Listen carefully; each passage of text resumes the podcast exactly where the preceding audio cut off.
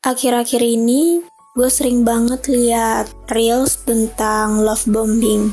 Akhirnya gue cari tahu ternyata love bombing itu memberikan perhatian di awal secara signifikan, diperlakukan like a princess, membuat lingkungan palsu seolah-olah dia adalah orang yang tepat buat kamu. Seorang love bombers biasanya tampak seperti pasangan yang sangat cocok, tapi pada kenyataannya, dia membangun lingkungan palsu seolah-olah dia adalah orang yang tepat buat kamu. Love bombing biasanya ditandai dengan perhatian, kekaguman, dan kasih sayang yang berlebihan, yang bertujuan membuat si penerimanya merasa bergantung terhadap orang tersebut. Yang membuat love bombing ini membingungkan adalah pertama, si pelaku memberikan hadiah dan perhatian mewah kamu akan merasa I'm a special person, dibutuhkan, dicintai, dan berharga.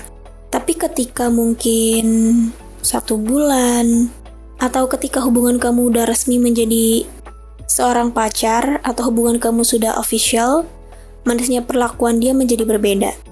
Dia masih memberikan kabar sama kamu, tapi dia mulai menunjukkan sifat posesif dan juga menuduh kamu selingkuh tidak mengizinkan kamu untuk berinteraksi dengan teman atau keluarga tanpa seizinnya, atau dia akan marah ketika kamu membuat rencana dengan keluarga atau teman kamu. Love bombing adalah taktik kencan manipulatif yang digunakan oleh individu narsistik dan kasar.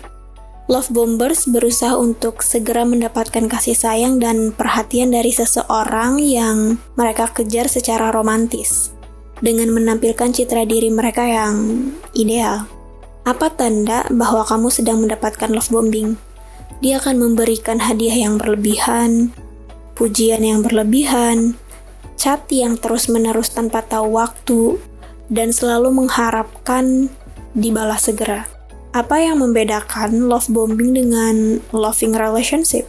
Love bombing akan memberikan hadiah secara berlebihan, terus-menerus, mereka selalu menuntut perhatian, tidak menghargai boundaries kamu, dan menghubungi kamu terus-menerus sampai mengganggu aktivitas, tidak bisa menerima kata tidak.